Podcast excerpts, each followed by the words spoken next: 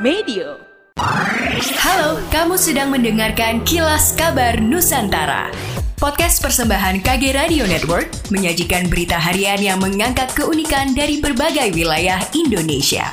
Kilas Kabar Nusantara dapat juga didukung oleh pengiklan loh. Eh, aneh banget sih lu.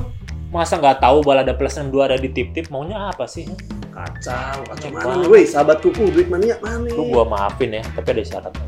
kasih tahu apa syaratnya mas? Syaratnya lu harus nonton live streaming balada plus 62 Betul. hanya di tip-tip tanggal 5 Juni 5 2023. Juni Oh, 2023. kalau nggak datang. Masih nggak tahu juga. Live streaming.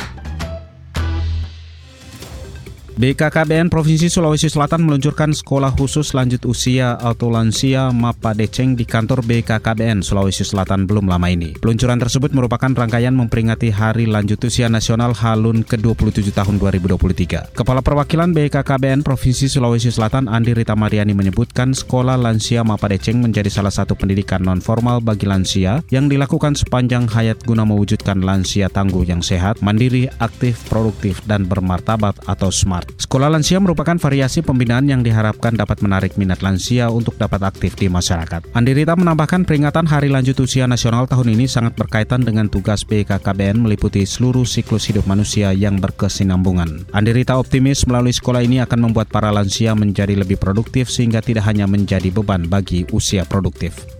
Persiapan jelang Prapon terus dimantapkan oleh pemerintah Sulawesi Utara. Hal itu dikatakan oleh Stephen Kando, Wakil Gubernur Sulut sekaligus Ketua KONI Sulawesi Utara. Kando mengatakan optimisme itu hadir karena Sulut memiliki sejumlah atlet yang berprestasi serta ditambah adanya sejumlah cabang olahraga yang dianggap sebagai lumbung emas bagi atlet Sulut di Prapon Aceh, Medan mendatang. Kando menambahkan jika persiapan yang dilakukan oleh atlet asal Sulut jauh lebih baik lagi dibanding dengan persiapan pada tahun lalu. Ia berharap Sulut mampu meraih hasil yang lebih baik dari perhelatan Prapon Papua pada tahun kemarin.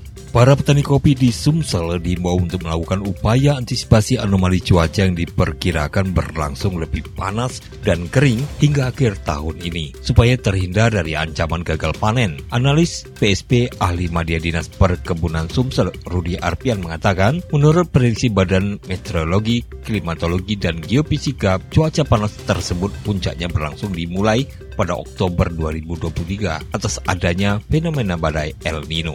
Rudi Arpian menyebutkan cuaca panas menjadi ancaman tersendiri bahkan dua tahun terakhir membuat produksi kopi petani Sumsel turun cukup signifikan. Pihaknya mencatat hasil panen kopi di Sumsel per Februari mencapai 211.681 ton per tahun dari luas lahan 257.000 hektar. Jumlah itu lebih rendah sekitar 20% dibandingkan dua tahun sebelumnya.